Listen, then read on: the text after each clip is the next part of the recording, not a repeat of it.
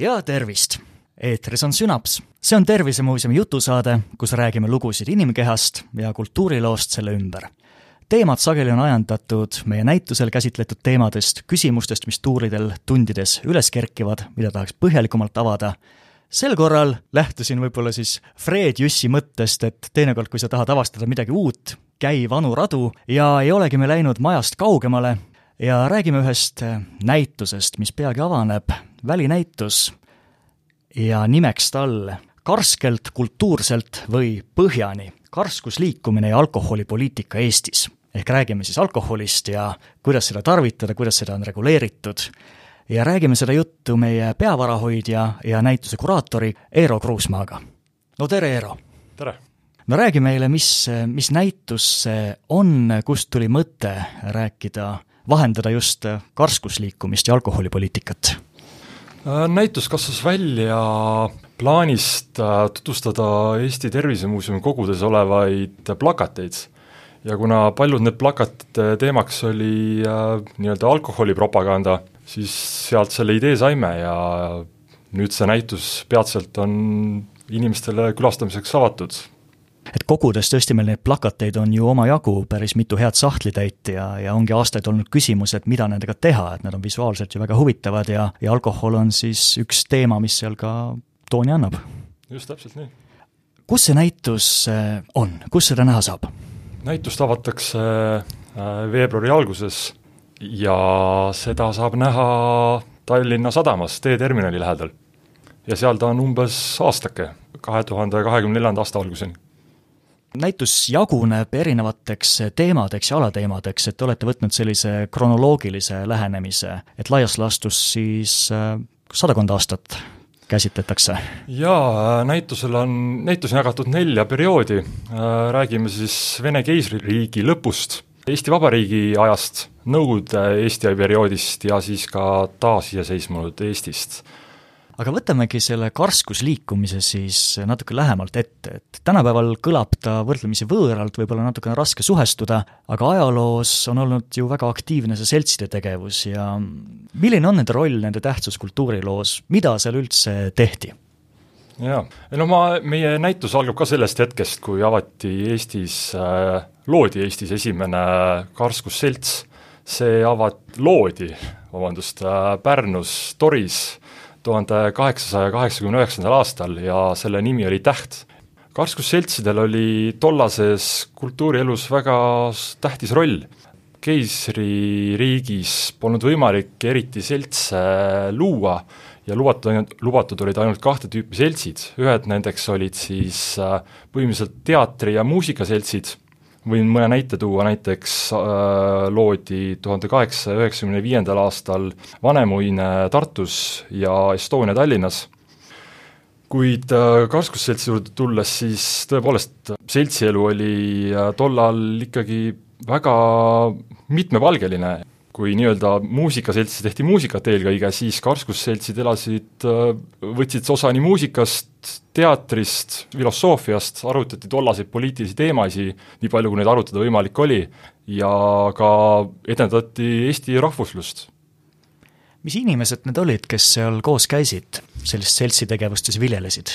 seltsides ikkagi olid eelkõige tegevad äh, siis ütleme, ühiskonna haritumad kihid, oli see palju koolmeistreid, taluperemehi, pigem ei sattunud sinna nii-öelda sulaseid ja sellise alama klassi inimesi, et nagu mingid teenijatüdrukud ja muud taolised.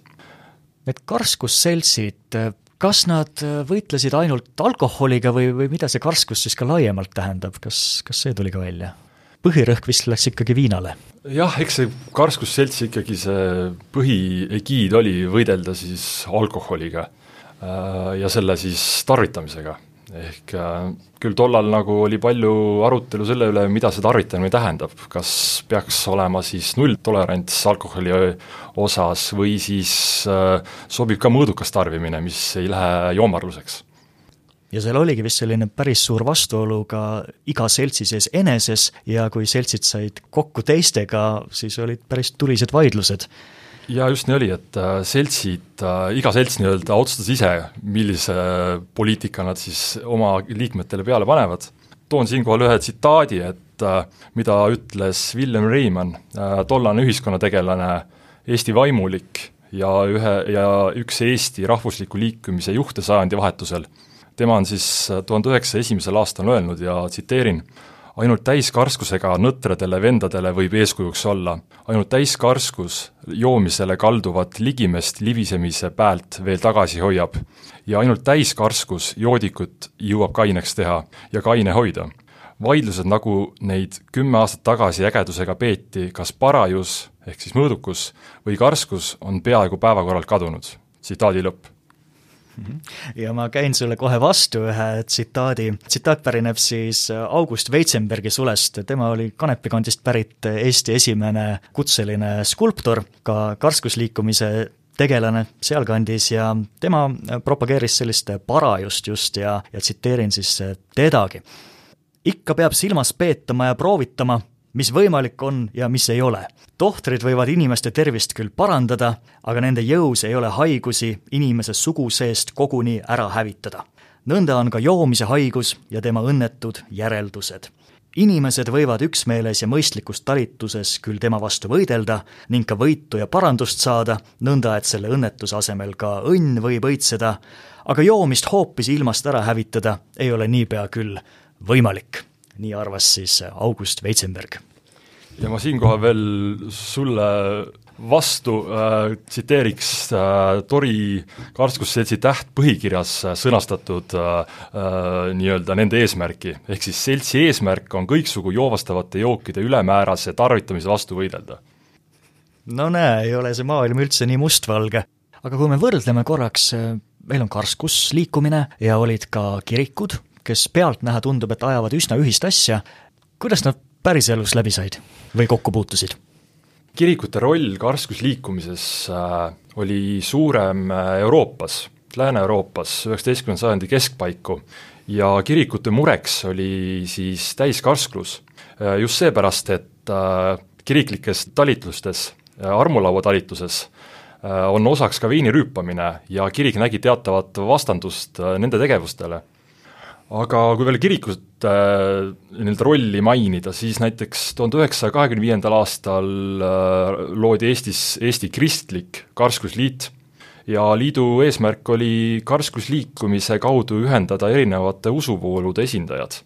ja viidi läbi ka karskusteemalisi jumalateenistusi, seega see vastandumine, mis Euroopas toimus üheksateistkümnendal sajandil, see ikkagi Eestis oli väga tagaplaanil. et pigem ikkagi soodustati nii-öelda indiviidi elujärje paranemist ja selle osaks oli kindlasti vähene alkoholi tarbimine sellest teemast rääkides ongi nüüd äh, mõnes mõttes mitu poolt, et on see kodanikuliikumine ja teiselt poolt siis äh, riiklik või valitsuse tasandil reguleerimine, et äh, kui me võtame korraks veel selle Vene keisririigi aegse perioodi siis kuni tuhat üheksasada seitseteist, et kuidas valitsus reguleeris alkoholipoliitikat, oli selline asi üldse olemas? Ega teda õieti ei reguleeritud kuni tuhande üheksasanda aastani, pärast seda riik Riik kuulutas välja viinamonopoli, terve viinamüügi reguleerimine ja tootmine läks riigi kätte, paljud kõrtsid pidid oma tegevuse lõpetama ja avati viinapoed. ja niimoodi jätkati kuni Esimese maailmasõja puhkemiseni laias laastus et üks äh, tendents oli vist ka see, et, et ütleme, kõrtsidest liikus alkoholi tarbimine rohkem kodudesse, võib ka nii öelda? jaa, ikka, sest äh, ikkagi teatav äh, must turg tekkis nii-öelda, et et äh, viina hakati kodus tootma ja, ja kui seda nii-öelda av avalikult äh, tuli seda poest osta, siis seda nii-öelda kodust päris avalikult juua ei saanud, pidi tegema koduseinte vahel. aga võtamegi liikumise Eesti Vabariiki ja kõik need üleminekuajad seal vahepeal, ütle, kas meil on ka olnud sellist perioodi, kus oleks olnud täiesti kuiv seadus, kus oleks täiesti olnud keelatud viinamüük või, või alkoholi tarvitamine üleüldse? jaa, keeluaeg, kuiv seadus äh,, pandi keisririigis kehtima tuhande üheksasaja neljateistkümnendal aastal, ehk siis sõja puhkedes. ja see jätkus siis kuni sõja lõpuni ja nii-öelda riigipöördeni äh, keisririigis. aga jätkus siis kohe ka pärast seda Vabadussõja ajal.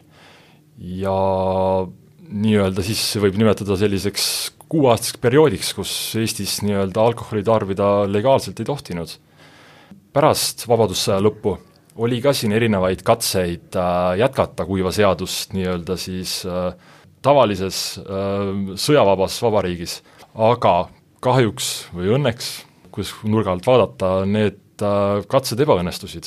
oli isegi selline olukord, kus tollane Karskusseltsi keskkomitee üritas selle rahvahääletusele viia, kuid mingitel formaalsetel põhjustel paljud allkirjad ei läinud arvesse ja see seadus läks selle asemel, et minna rahvahääletusele, otse Asutava Kogu otsustada. Ja seal äh, häältega kuuskümmend kaks, kakskümmend neli äh, võeti siiski alkoholi tootmine ja müük Eesti Vabariigis vastu. Ja kuulutati nii-öelda alkoholi tootmine ja müük ka Eesti Vabariigi monopoliks. Ja kasutusele võt-, võeti tšekisüsteem ehk siis sellega nähti ette, et iga täiskasvanud mees võib teatavas koguses alkoholi igakuiselt osta. aga see siis oli nii-öelda piiratud, ehk mitte siis piiramatult.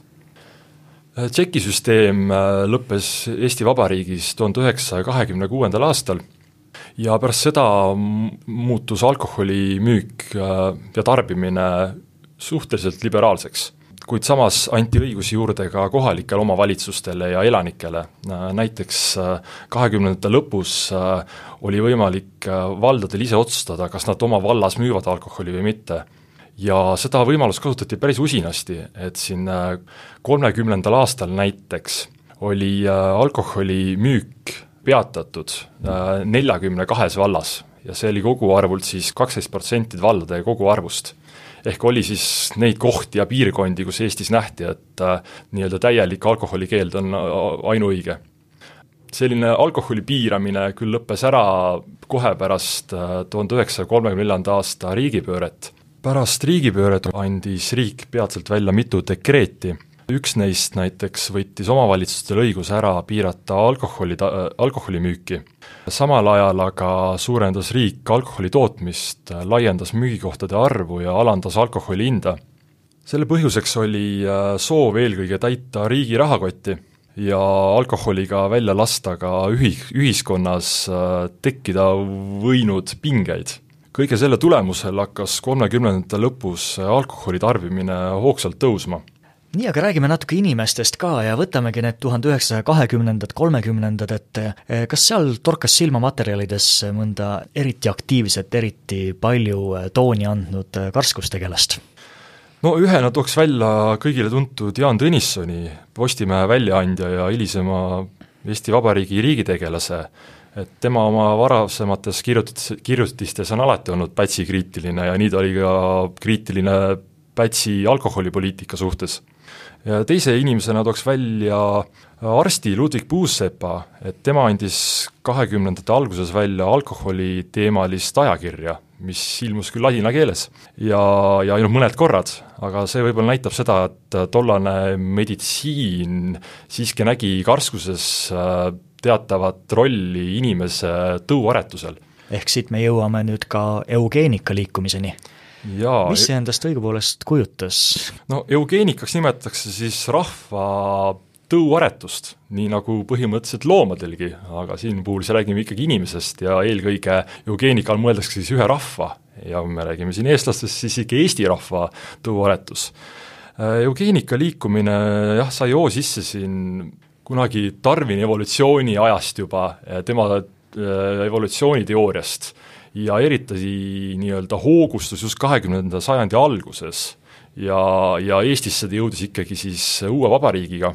Ja poliitilises mõttes veel eriti nii-öelda tema arvamusliidri rolli võitis eugeenika liikumine siis vaikival ajastul, kus nähti eugeenika liikumises siis võimalust Eesti rahva nii-öelda tõugu parandada ja samal ajal siis selle eugeenika liikumise tugevnemisega äh, kandus aina rohkem nii-öelda tahaplaanile karskusliikumine just mõtlengi, et mõnes mõttes nad ju asusid konkureerima, et, huvitav jah, mis see suur erinevus siis oli, et kas võis olla kuidagi nii, et see karskusliikumine jäi selliseks noh, moraalijutluseks, et näidati näpuga ja vot sina ära tee nii, ela hoopis nii, ja see eugeenika liikumine oli siis kuidagi, ma ei tea, jõulisem või tundus kuidagi konkreetsem või rakendatavam või kas saab kuidagi nii üldistada? Karskus muutus mõ-, mõnevõrra justkui abinõuks, mitte enam sihiks, et kui ka enne taheti nii-öelda, loodeti rahvas kaineks saada täielikult, siis nüüd nagu polnud see kainuses enam eesmärk, sest läbi selle rahva kainuse nähti ikkagi nagu jälle seda tõuaretuse elementi. ja, ja, ja see tõuaretuse eesmärgiks oli ka siis selle Eesti, eestlaste iibeprobleemi lahendamine noh, siin me võime jälle jõuda juba steriliseerimisseaduseni, mis võeti vaikival ajastul vastu, aga võib-olla täna ei ole see teema, kus seda, seda, seda lahata. et keskenduti siis sellele, et üks rahvus oleks terve, tugev, püsiv ka tulevikus ja, ja võitlus alkoholiga oli siis üks väga konkreetne tegevus. täpselt, jah. võib-olla ma mainiksin veel selle siin ära, et et äh, karskust nähti tollal natukene nagu teatavate välja valitud inimeste peene suunana, mis siis justkui teistele moraali luges, aga eugeenika oli ikkagi see, mis nagu liitis tervet rahvast nii-öelda ühe tõuaretuse alla ja noh, muidugi autoritaarsele riigikorrale sobib selline rahvast ühendav liikumine palju rohkem kui ainult niisugune valituid väärtustav korraks veel tuleks ajaloos no, mõned aastad tagasi, et oli tõesti üks tõeline selline tippsündmus ka meil Eestis toimunud Karskuse vallas. räägi pisut sellest. jaa, tuhande üheksasaja kahekümne kuuendal aastal toimus Tartus äh, ülemaailmne karskuskongress. kuigi iseenesest seal mingeid põrutavaid uudiseid ja, ja teemasid ei lahatud, siis ikkagi see tõi Eesti ühiskonna pilti karskusliikumise väga jõuliselt sel hetkel tagasi. küll kahjuks nagu ilma pikema mõjuta tulid inimesed kokku, pidasid kõnesid, jagasid trükiseid ja, ja nii ta meil ajalukku on läinud, et olid siis eri riikide esindajad seal koos. just, jaa, tegu oli niisugune väga Eesti mõttes ikkagi tollal niisuguse suure üritusega, et ikkagi Eesti, justkui maailma üritus on Eestisse jõudnud aga jah, kahjuks tal nagu pikemat tulemust nagu ei olnud jah, et see nagu ei, ei, ei kajastunud kuidagi karskusliikumises tulevatel aastatel ja kümnet, aastakümnetel. Tartus see kongress siis toimus Tartu kohta võiks veel nii palju mainida, et äh, Tartu oli ikkagi Eesti karskusliikumise keskkoht äh, juba ütleme, aasta saja, sajandivahetuse paiku. et äh, Eesti Karsklusliit, mis loodi tuhande üheksasaja kahekümne teisel aastal tegutses Tartus ja nende hoone on siiamaani alles, see asub aadressil Lossi neli ja nii-öelda paikneb kohe ülikooli peahoone taga, et kellel iganes on huvi vaatama minna, siis see võimalus on olemas. Ma isegi mäletan, ma teatud põhjustel olen Tartu Ülikoolis mõned aastad veetnud ja, ja see tahvel on seal tõesti seni, tänase päevani seina peal suhtumist alkoholi ja alkoholipoliitikat on kujundanud ju meil väga tugevalt erinevad äh, poliitilised režiimid, erinevad okupatsioonid ja võib-olla mõne sõnaga ka Nõukogude perioodist, okupatsioonist, et äh, mida see tähendab ka nendele karskusseltsidele üldse? jah, sõja tulemusel seati Eestis sisse Nõukogude võim ja karskusseltside tegevus keelustati. Äh, see tähendas siis seda, et ikkagi edaspidi soovis riik täielikult juhtida alkoholi tarbimist, et ei jäetud nii-öelda rahvale vaba võimalust seda kuidagi mõjutada. tähendas see seda, et juhtivaks äh, egiidiks sai kultuurne tarbimine ja niimoodi jätkati mõõdukalt ja niimoodi mõõdukalt jätkati aastakümneid, äh, kuni siis see mõõdukas tarbimine jõudis siis selle olukorrani, et ikkagi ühiskonnas hakkas joomarlus äh, pead tõstma siin on ilmselt ka see nii-öelda päriselu ja propaganda on hästi kaks erinevat maailma. Jaa, kindlasti, nõukogude ajal ei räägitud nendest teemadest äh, vabalt, et jäeti mulje, et kõik on hästi, aga ikkagi riiklikud, lõpuks pihta hakanud riiklikud äh, vastumeetmed siis joomarluse suhtes näitavad seda, et ikkagi olukord ei olnud niivõrd hea, kui võib-olla plakatitel ja, ja, ja muidu äh, näha võis et võib-olla mainingi ära siinkohal, et esimene selline keskvõimu vastumeede alustati seda tuhande üheksasaja viiekümne kaheksandal aastal, kuid kahjuks sellel polnud jällegi pikaajalist mõju, sest äh, majandusliku stagnatsiooni tingimustes äh, lihtsustati juba mõni aasta hiljem alkoholi kättesaadavust.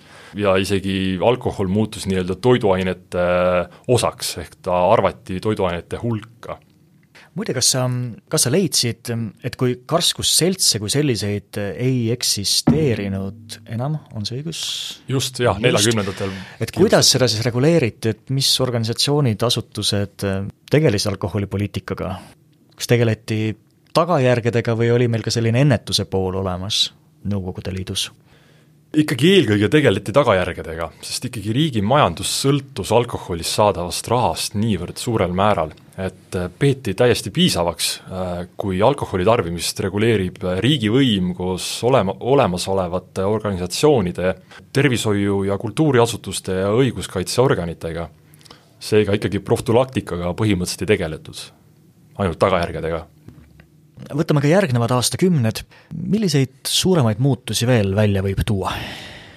võib-olla tasub ära mainida seitsmekümnendaid, et äh, kui viiekümne kaheksanda aasta vastumeetmed ei töötanud, siis uus katse tehti just seitsmekümnendatel ja ja seekord näiteks karmistati müügipiiranguid, äh, suurendati narko-, narkoloogiliste raviasutuste arvu ja võib-olla kõige tähelepanuväärsem on äh, see, et seati sisse sundravi ning ka televisioonis näiteks algatati üks saatesari, kus just arutati vabameelselt, noh, niivõrd vabameelselt, kui tollases ühiskonnas seda teha sai, arutati siis alkoholismi ja selle võitlust sellega. aga kahjuks nendel tulem-, jälle tulemust taaskord ei olnud, et ikkagi ka sellel kümnendil alkoholi tarbimine suurenes ja kõige märkimisväärsem katse muidugi alkoholi tarbimist äh, piirata tuli tuhande üheksasaja kaheksakümne viiendal aastal tollase Nõukogude Liidu juhi Mihhail Gorbatšovi eesvedamisel. ja eesmärgiks oli ikkagi konkreetselt saada joomarlusele piir peale, selleks näiteks tõsteti vanusepiiri nüüd juba kahekümne ühe eluaastani, äh, jälle lühendati alkoholimüügi kellaaegu ja paljudes kohtades äh, keelustati alkoholimüük sootuks, ka otse loomulikult riik vähendas alkoholi tootmise koguseid. äh, alustati kõiksugu tä-, teavitustöid, pakuti välja alternatiivseid ajaveetmisviise ja esmakordselt nii-öelda ENSV ajal ka lubati uuesti luua karsklusühinguid ja seda hakati ka tegema kaheksakümnendate lõpus. Sellised radikaalsed abinõud andsid ka sel korral tulemuse, ikkagi paljude liitrite võrra absoluutalkoholi äh, tarbimist vähenes küll aga taaskord tuli siia lõpuks mängu majanduslik olukord, sest äh, riigi majandus sõltus alkoholirahadest ja riigi majandus ei kannatanud välja sellist suurt puudujääki, mis, mille, mille tekitas alkoholimüügi piiramine. ja aastad lähevad edasi, põnev, oluline periood siis näitusel veel on kajastatud meil nüüd äh, tänapäevane taasiseseisvunud Eesti Vabariik tuhat üheksasada üheksakümmend üks kuni siis edasi. mis iseloomustab nüüd neid pöördelisi aegu? üheksakümnende algused olid noh, nii-öelda metsik lääs ka alkoholi tarbimises, et kuigi inimesel, inimestel oli raha, raha vähe, siis äh, taaskord käivitus äh, piirituse tegemine ning üheksakümnendate kiratsevas majandusolukorras haalas, haaras alkoholipoliitika juhtohjad äh, kodumaised suurtootjad kellel siis esmakordselt viimase saja aasta jooksul oli võimalik nii-öelda vabalt tegutseda, sest enam ei olnud äh, alkoholi tootmine riigi monopol. ning äh, need kodumaised suurtootjad said ikkagi suhteliselt vabalt tegutseda kahe tu-, kahe tuhandete keskpaigani. See oligi niisugune aeg, kus nii-öelda majandus kasvas ja riigipoolseid piiranguid oli vähe ja see kõik tähendas seda, et äh, alkoholi tarbimine tõusis kuni majanduskriisi tulekuni kahe tuhande kaheksandal aastal äh, märgatavalt. korraks segan ka, et kui nendest piirangutest rääkida, noh milles see vabadus siis väljendus? vabadus väljendus selles, et riik äh, ei, ei reguleerinud äh, eriti alkoholi tarbimist, polnud kellaajalisi piiranguid äh,, reklaamiseadust ka sellisel kujul. just, et äh, ikkagi põhimõtteliselt kõik kes müüsid alkoholi, müüsid seda täpselt sellisel kujul, nagu neile sobis. majanduskriisi aasta oli ka teatav äratuskell Eesti Vabariigile, sest tollane tiputarbimine oli ikkagi täiesti ennenägematu. ja seega tähendas, et riik hakkas midagi ette võtma esmakordselt äh, viieteist aasta jooksul alkoholi tarbimise suhtes kahe tuhande kaheteistkümnendal aastal sai valmis ka alkoholipoliitika roheline raamat, Äh, mille, millega pandi eesmärgiks, et kahe tuhande kolmekümnendal aastal ei tarbita mitte rohkem kui viis liitrit absoluutalkoholi ühe elaniku kohta. see oli siis poole vähem kui aastal kaks tuhat viisteist ja isegi liitri võrra vähem kui Maailma Terviseorganisatsiooni seatud piirmäär. Äh, võib-olla kõige suurem samm selle tulemuse saavutamiseks toimus aastal kaks tuhat seitseteist, kui võeti vastu üks väga kompleksne seaduste kogum, äh, mille tulemusel näiteks tõsteti märgatavalt aktsiise, reguleeriti telereklaamide sisu, siin sealhulgas tasub mainida ka, et keelustati nii-öelda positiivse meeleolu reklaamid. et enam ei olnud näha lõbusaid inimesi rannas õlut libistamas, et äh, kõik taoline nüüdsest eetrist kadus ja igasugused reklaamide kellaajad olid samuti piiratud, äh, samuti sellest ajast pärineb nii-öelda täna, tänaseni kehtiv kümme kümneni äh, alkoholi müügikeeld. Ja võib-olla ma-, tasub ka mainida seda, et noorte alkoholi tarbimise vähendamiseks äh, keelustati alkoholireklaamid äh, sotsiaalmeedias. kõik see andis teatava tulemuse, äh, üheks vastukaja elemendiks tollal oli ka viinaralli Lätti, aga see soikus juba mõne aastaga ja tänasel päeval see ei ole enam teemaks. no ma tulen vahele, meenutan oma nooruspõlve, just neid äh, reklaame, mida võis siis kohata tõesti ajakirjaveergudel ja, ja, ja ka teles, et, et sa võisid olla ikkagi kindel, et kui on üks põnev ja meeldejääv reklaam, et äh, kvaliteetselt tehtud reklaam, et arvata võis, et see oli siis alkoholireklaam. kõik see muusika ja need värvid ja produktsioon on, on palju, on siiamaani meeles ja kõik seda enam tänasel päeval eriti näha ei ole. Või on siis ainult juba väga hilistel öötundidel? Alkoholireklaami piirangud, on sul varasemast perioodist ka andmeid, et mil määral on seda piiratud, on seda reguleerinud nii-öelda hea toon või on ka olnud ikkagi mingid keelud? noh, kui ma siin näiteks jõuan, tuleme tagasi kolmekümne viiendasse aastasse, siis tollal Pätsi ajal nii-öelda piirati ka alkoholireklaami äh,. Nimelt keelati siis reklaamis ülistada avalikult alkohoolseid jooke ja nende tarvitamist kuid see siis ei puudutanud alkoholi tootvate ja müüvate ettevõtete reklaami, kuna justkui selles ei ülistata, ei ülistatud nende jookide tarvitamist üldse.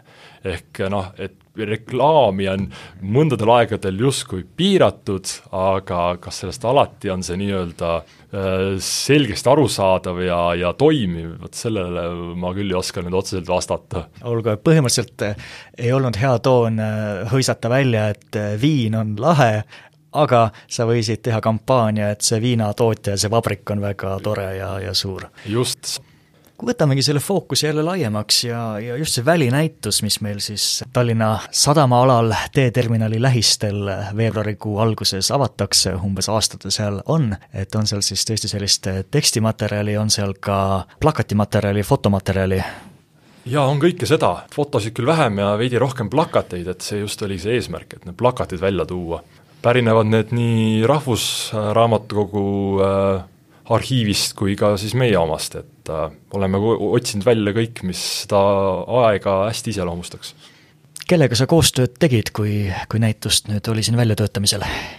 jaa, võib-olla niisugustest organisatsioonidest olekski võib-olla põhjust välja tuua Rahvusraamatukogu äh,, Tervise Arengu Instituut oli muidugi väga abiks meil ja ka Tallinna Sadam, kus see kõik äh, üles pannakse. ilma nendeta oleks väga raske olnud seda näitust sellisel kujul luua noh, muidugi tasub ära mainida need inimesed, kes selle valmis tegid, et äh, siinkohal tuleks tänusõnad öelda kindlasti äh, meie kujundajale Maria Muugile ja meie enda majast äh, projektijuhile Kersti Möldrale ja muidugi ka tõlkijatele ja toimetajale nii et näitus on, on avatud, kutsume kõike siis jalutama, vaatama, tutvuma, mõtlema neile teemadele. kogu meie jutuajamine, ütle, kas midagi jäi ka rääkimata, mis nüüd veel tagantjärele kripeldab, tahaks välja tuua, mõni, mõni põnev fakt, mõni põnev tsitaat, mõni mõte? ma võib-olla tooks selle välja, et kui siin taasiseseisvumise järgselt äh, nii-öelda Eestis hakkasid tegutsema eratootjad, kui nüüd tulla natuke ajaloos tagasi, siis näiteks Soomes on vaid üks ettevõte, kes võib üldse kanget alkoholi müüa ja see ongi äh, riiklik ettevõte Alko, et kokkuvõttes on võimalik ka nii-öelda kapitalistlikus süsteemis luua ikkagi teatav riiklik kontroll alkoholimüüjate üle. Ja kui hakkame vaikselt seda jutuajamist kokku tõmbama, milline on karskusliikumise tänapäev, on meil üldse säilinud või siis taasloodud seltse ja liikumisi, kodanikeühendusi? Eesti Karskusliit taasloodi äh, õiglusjärglasena tuhande üheksasaja kaheksakümne üheksandal aastal. Äh, nende eesmärgid on väga sarnased tollal, tollastele eesmärkidele. Äh, nendeks on tervisliku ja karske eluviisi propageerimine, alkoholivastase tegevusega seotud koostöö koordineerimine ja riigi alkoholi- ja uimastipoliitika mõjutamine. Küll kahjuks ei ole need, nemad enam ühiskonnas nõnda silmapaistvad, kui nad olid Esimese Vabariigi ajal tundubki, et tänapäeval ilmselt on läinud see alkoholiennetuse teema pigem Tervise Arengu Instituudi haldusalasse. Nemad võib-olla paistavad sellega rohkem silma, näiteks uurisingi siin enne, et neil on leht nimega alkoinfo.ee ja seal on siis toodud välja, nemad rõhutavad mõõdukat alkoholi tarvitamist. rõhutavad seda, et ei ole olemas sellist kogust, mis oleks tervisele ohutu, aga et kes siis juba tarvitab, võiks silmas pidada neid soovituslikke maksimaalseid alkoholiühikuid, noh, mis ta siis teeb? näiteks meesterahva puhul päevas maksimaalne kogus võiks olla kaks alkoholiühikut, see tähendab siis umbes noh, umbes pudel heledat õlut näiteks. naisterahva puhul siis üks ühik, mis oleks näiteks pool pudelit heledat õlut, et eks selline maksimaalne piir päevas. noh, nädala lõikes on seal meestel on neliteist ühikut, see on siis umbes kuus ja pool pudelit heledat õlut ja naistel siis vastavalt seitse ühikut ehk umbes kolm ja pool klaasi või pudelit õlut. jah, et mitte seda kõike korraga ja et kindlasti peaks hoidma ka alkoholivabasid päevi. et just, et keegi ei pea alkoholi tarvitama, et see ei ole tervisetoode, aga kes juba tarvitab, võiks pidada silmas mõõdukust, et sellised sõnumid siis neid võib kohata tänapäeval kuule, aga sina oled lisaks selle näituse loo, loomisele, oled meil ka muuseumi peavarahoidja, tegeled meie kogude ja eksponaatidega, nende vastuvõtmise, nende säilitamisega, nende heakorraga on meil midagi uudist ka, midagi põnevat meie kogudesse jõudnud? mis toimub? toimub see, et äh, meil on siin väga hoogsalt äh, arenenud hambaravituba meie ekspositsioonis, et eelmisel aastal lisandus sinna üks väga vana hambaravitool üheksateistkümnenda sajandi keskpaigast, mille sarnaseid on Euroopas väga vähe muuseumites olemas. et see ootab kindlasti külastamist ja teine hambaravitool pärineb kolmekümnendatest ja see ootab suisa pealistujaid, nii et äh, tulge ja katsuge ja proovige, kuidas, kuidas oli sadakond aastat tagasi äh, hamba, hambaarsti juures olla. aga muidugi kõik meie museaalid on leitavad ka muuseumite infosüsteemist MUIS, et äh, tasub ka sinna pilku visata aeg-ajalt no hästi, suur tänu sulle, Eero, tulemast, äh, juttu puhumast, rääkisime täna siis äh, värskest välinäitusest nimega Karskelt kultuurselt või Põhjani, karskusliikumine ja alkoholipoliitika Eestis. avatud on ta siis äh, Tallinna Sadamas teeterminali lähistel ja avatud on ta umbes aasta. stuudios oli meie peavarahoidja ja näituse kuraator Eero Kruusmaa. tänan kutsumast! Ja aitäh ka kuulajatele, kuula Sünapsit ikka Tervisemuuseumi kodulehelt ja levinumatest podcasti platvormidest, näiteks Spotify. kui sul on küsimusi või mõtteid, millest või ka kellega Sünapsis edaspidi rääkida, anna julgelt märku, kirjuta minule otse aadressile kent at tervisemuuseum.ee või kommenteeri meie sotsiaalmeedias, ka sealt leiad need mõtted kenasti üles. järgmine osa taas umbes kahe nädala pärast, seniks kuulmiseni ja kohtumiseni Tervisemuuseumis! Música